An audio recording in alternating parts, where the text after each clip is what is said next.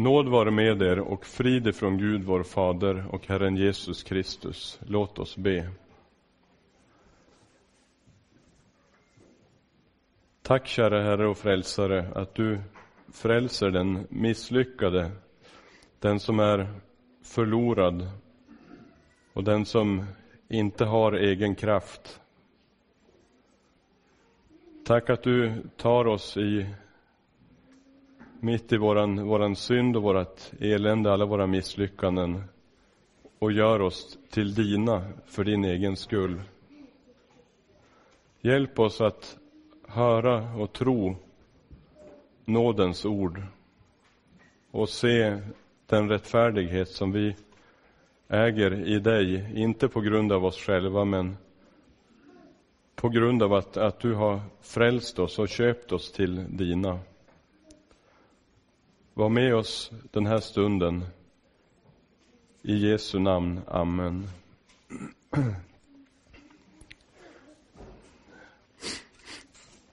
I vår text idag så står det att, att folket samlades omkring Jesus. Han var en annan sorts lärare än det folket var vana vid. Han kunde på samma gång säga sanningen om människans hjärta och visa att Guds rike tillhör de som inte håller måttet. Fariseerna och de skriftlärda kallade på, för att göra spe av Jesus, så sa de hånfullt att han är publikaners och syndares vän. Och det var alldeles korrekt, och det är alldeles korrekt. Jesus är publikaners och syndares vän. I Lukas 15, alldeles inledning i första versen, så står det att alla publikaner och syndare höll sig nära intill Jesus för att höra honom.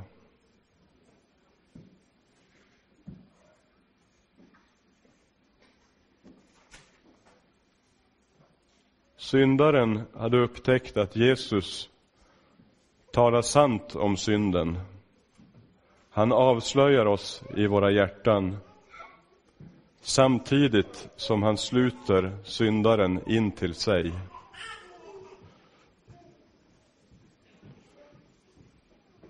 Och hur det går ihop, det vet vi av Jesu fullbordade verk för varje syndare på Golgata. Där har du svaret. Till Jesus är alla som är andligt kraftlösa och misslyckade och odugliga välkomna. Till Jesus får du komma som är en syndare för dig som den här veckan inte har gått bra. Du är välkommen till Jesus. Det är för dig han har kommit.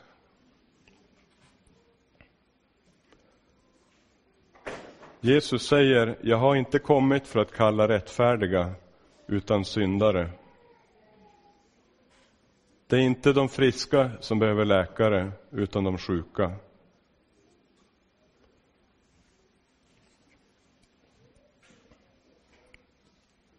Du som är en syndare, du har en hedersplats i Guds rike för Jesus skull. Jesus förlåter syndare. Han förlåter synder han helar de sårade och han tröstar de som är ledsna. Det är Jesus.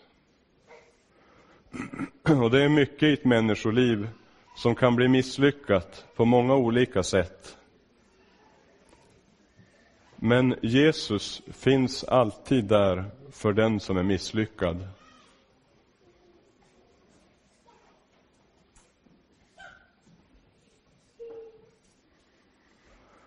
Fariseerna och de skriftlärda, de tyckte inte om Jesus. De tyckte inte om talet om att man skulle få förlåtelse oförtjänt av nåd. Och därför så var de på jakt efter Jesus. De ville ta ifrån honom hans auktoritet och hans anseende bland åhörarna.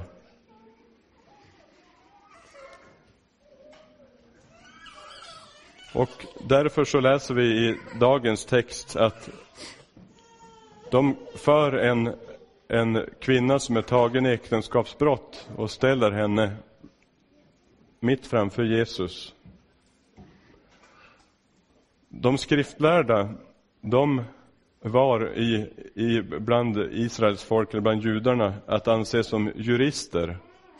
De kunde lagen, det var deras roll och därför så hade de, förutom att vara så att säga skriftlärda i allmänhet, så, så var de också eh, domare i, bland, bland folket. Eftersom judarnas lag utgick ifrån lagen i Gamla testamentet, i Moseböckerna.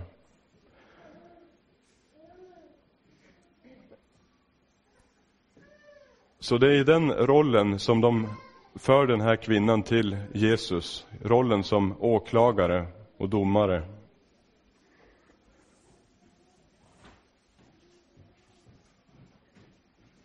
Och det som gjorde att de ansåg själva att de hade den, det bemyndigandet att, att ställa sig till doms över andra, det var att de, att de betraktade sig själva som fria från synd. De var inte alls på något vis att jämföra med den här kvinnan. De stod långt över henne i förhållande till lagen. Och därför så, så kunde de nu komma till Jesus med henne som åklagare för att anklaga henne.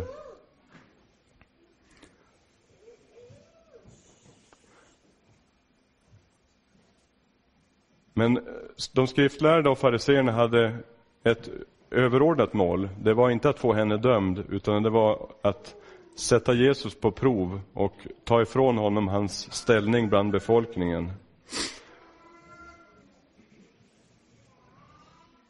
De skulle visa, om Jesus sa att, att ja, men jag förlåter henne, hon ska inte stenas, då kunde de anklaga honom för att slarva med lagen. För de facto så står det så i Mose lag att äktenskapsbrytare, man och kvinna, ska stenas.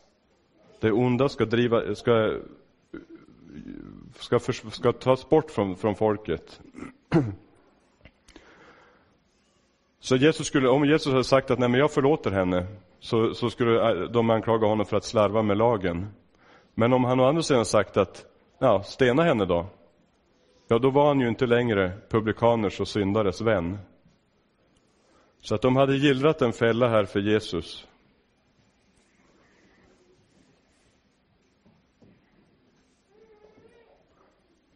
Men Jesus, han svarar inte på deras fråga. Istället så står det att han böjer sig ner och skriver med fingret på marken. Och vad Jesus skrev, det vet vi inte. Och vi vet inte heller varför han gjorde det. Vi vet inte vad han skrev och vi vet inte varför han skrev. Det står inte förklarat i Bibeln. Så han svarade inte på deras fråga, utan han böjer sig ner och skriver. Men de skriftlärda och fariseerna, de stod kvar med sin fråga. Och Jesus han ställer sig upp och så säger han, den som är utan synd må kasta första stenen på henne.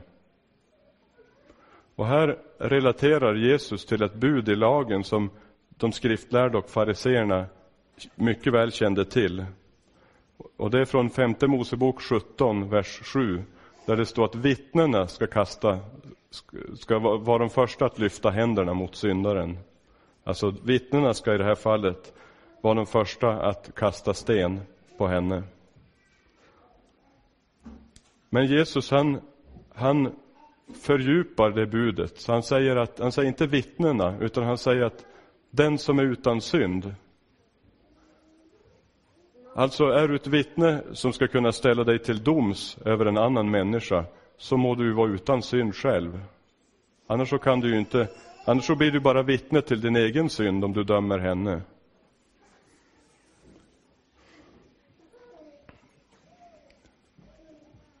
Det räcker inte med att vara ett vittne för att döma andra. Du måste i första hand själv vara fri från synd om du ska ställa dig till domare över någon annan. I annat fall fördömer du bara dig själv när du dömer andra. Och det är det vi läste i episteltexten idag. Du är utan ursäkt du människa, vem du än är som dömer. När du dömer en annan fördömer du dig själv. Du som dömer handlar ju på samma sätt. Vi vet att Guds dom med rätta drabbar dem som handlar så. Menar du att du skulle komma undan Guds dom, du människa, när du dömer dem som handlar så och själv gör på samma sätt? Eller föraktar du hans stora godhet, mildhet och tålamod och förstår inte att det är hans godhet som för dig till omvändelse?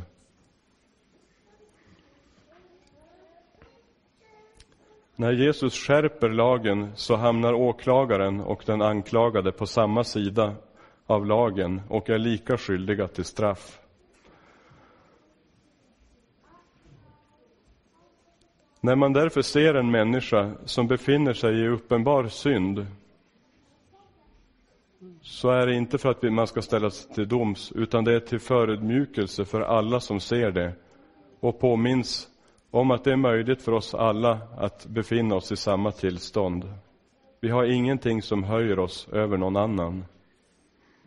Vi har istället det gemensamt att vi älskar synden och det onda och på, dagligen och på många olika sätt bryter mot Guds lag. Och så står det att de skriftlärda lämnade och fariséerna lämnade platsen med de äldste först. De förstod att Jesus snart skulle kunna peka på sånt i deras egna liv som skulle få fasaden att rämna helt. Och därför var de äldsta snabbast iväg och de andra följde efter. Tänk vilken mäktig predikan av Herren Jesus, den som är utan synd. Vid självrannsakan så visade det sig att samtliga hade ett sådant liv att de inte kunde stå kvar. Det fanns inga vittnen som hade rena hjärtan. Ingen kunde sätta sig till doms över kvinnan.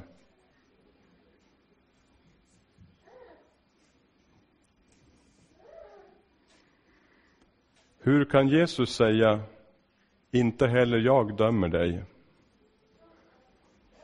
Betyder det att han slarvar med lagen?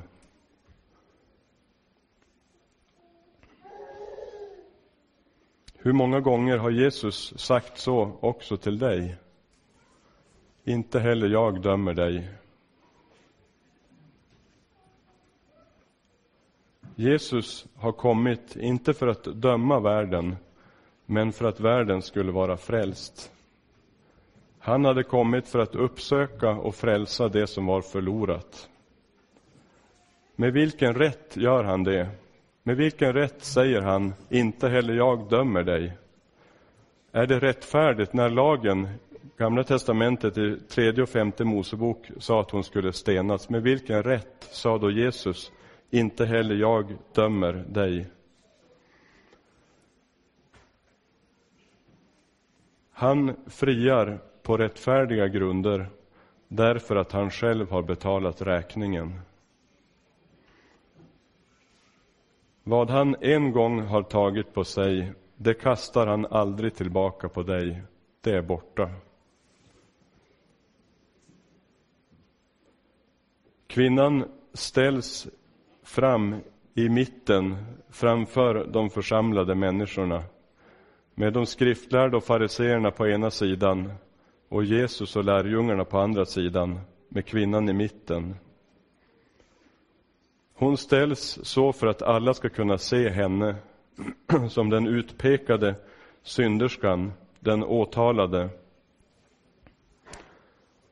Jag vet inte om det var de skriftlärdas och de fariseernas mening att att ställa upp som en domstolslik situation.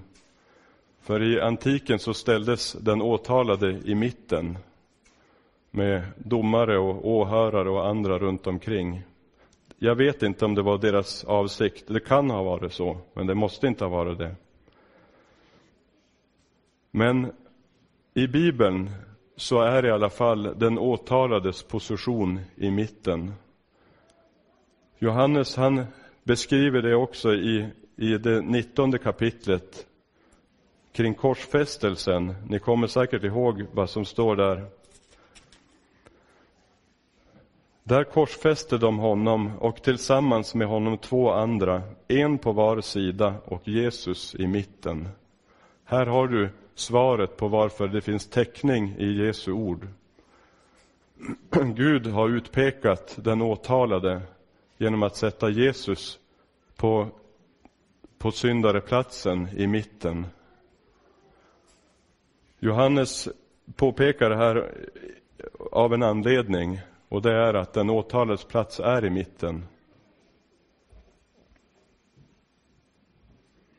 För människorna som mänskligt sett låg bakom korsfästelsen så var det här ett, ett sätt att förnedra Jesus.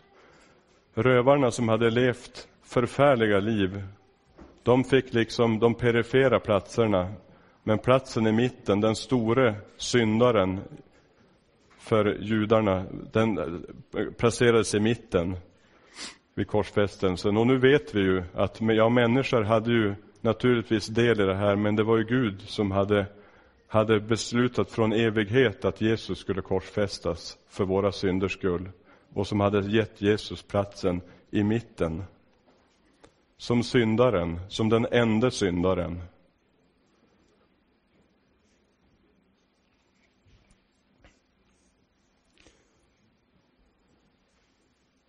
När du ser ett kors så ser du därför en frihetssymbol. För där ser du den plats där din och min synd är fastspikad av evighet, från evighet till evighet.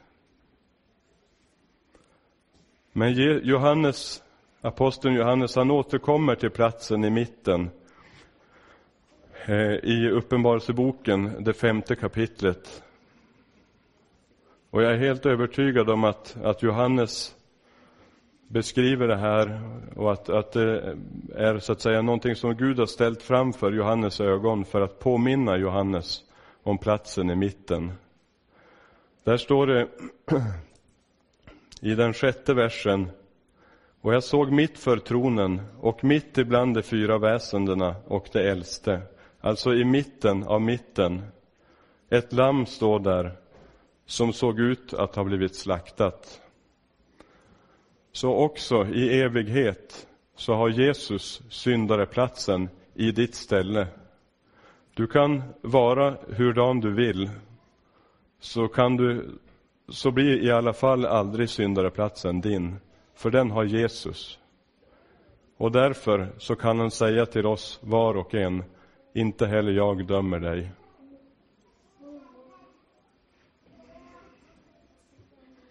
Här är grunden till att Jesus friar oss syndare.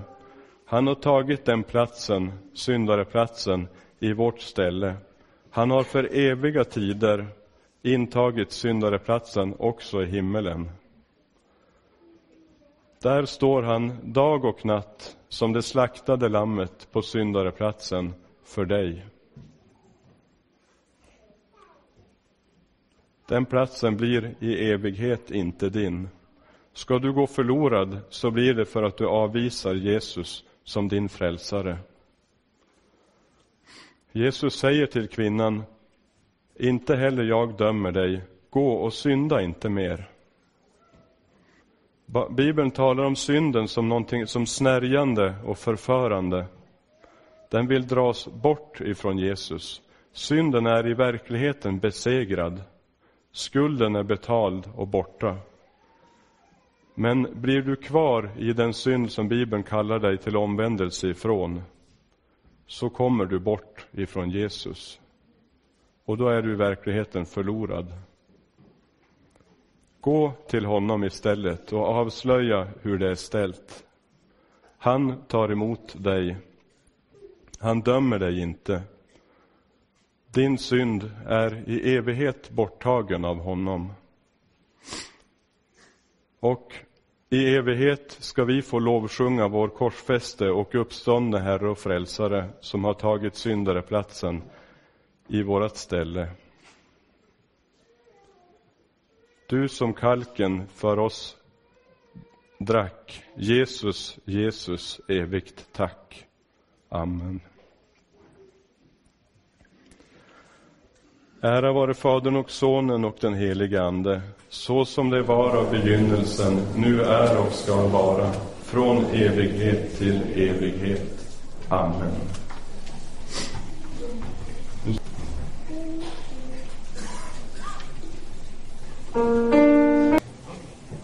Nu den 18-19 juli så ska det vara bibelutdelning i Vännäs. Och jag ber Birgit och Raul att komma fram och, och berätta lite grann om, om det här arbetet. Ja. ja, det är en stor glädje att få vara här uppe i Norrland. Att en skåning kan hamna så långt uppe som är uppe i Umeå och Vännäs. Vi är väldigt glada. Vi har delat ut eh, 27 000 biblar i Umeå tills nu och vi har det ska vara 45 000 biblar i varje hushåll. Och vi, vi, har ett helt gäng ungdomar med oss från Tyskland och en del från Sverige också. Så vi är, jag vet inte hur många vi är nu. Vi blir 40-50 ungdomar nu i alla fall från Tyskland. Och är det några av er ungdomar som vill hänga på, även äldre, vi har även äldre ungdomar, de är 60 år. Så vi har en väldigt stor bredd på åldern på våra ungdomar. Så ni är välkomna att hjälpa till och vi är i Karlskyrkan och eh, så klockan nio varje dag börjar vi och sen är vi där fram till klockan sex.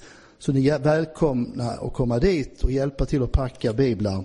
Men som sagt så ska vi vara ju här i Vännäs. Den, vad sa vi nu? 18 och 19. Och eh, då startar vi upp här klockan nio då, en liten andakt och ber och sen så, de är ju färdigpackade.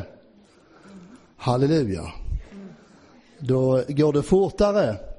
Eh, och det här är en stor glädje. Vi får dela ut boken om hopp för barn och så har vi boken om hopp för vuxna. Och det är, får du berätta vad det är? Ja, det är ett nya testamente och så är det 160 fyrfärgssidor med starka livsberättelser om vad Jesus gör idag. Hur han förlåter synder idag. Eh, och det är fantastiska berättelser i den här, också om psykisk ohälsa, Människor som har varit utdömda, också av läkare, men som är fullt funktionsdugliga om man kan säga så idag. Jag vill bara säga ett vittnesbörd som vi fick veta för två veckor sedan. Bara så att man vet vad det här gör. Det är så här att den här damp ner i brevlådan hos en kvinna som inte är troende. Men hon har en son, 23 år gammal, som tre gånger försökte ta sitt liv, som inte orkade, som inte ville leva. Och den här mamman var så förtvivlad, så även om hon inte själv trodde, så skickar hon boken om hopp till sin son. Och eh, den här sonen får tag och börjar läsa och får möta Jesus så starkt och så upprättande.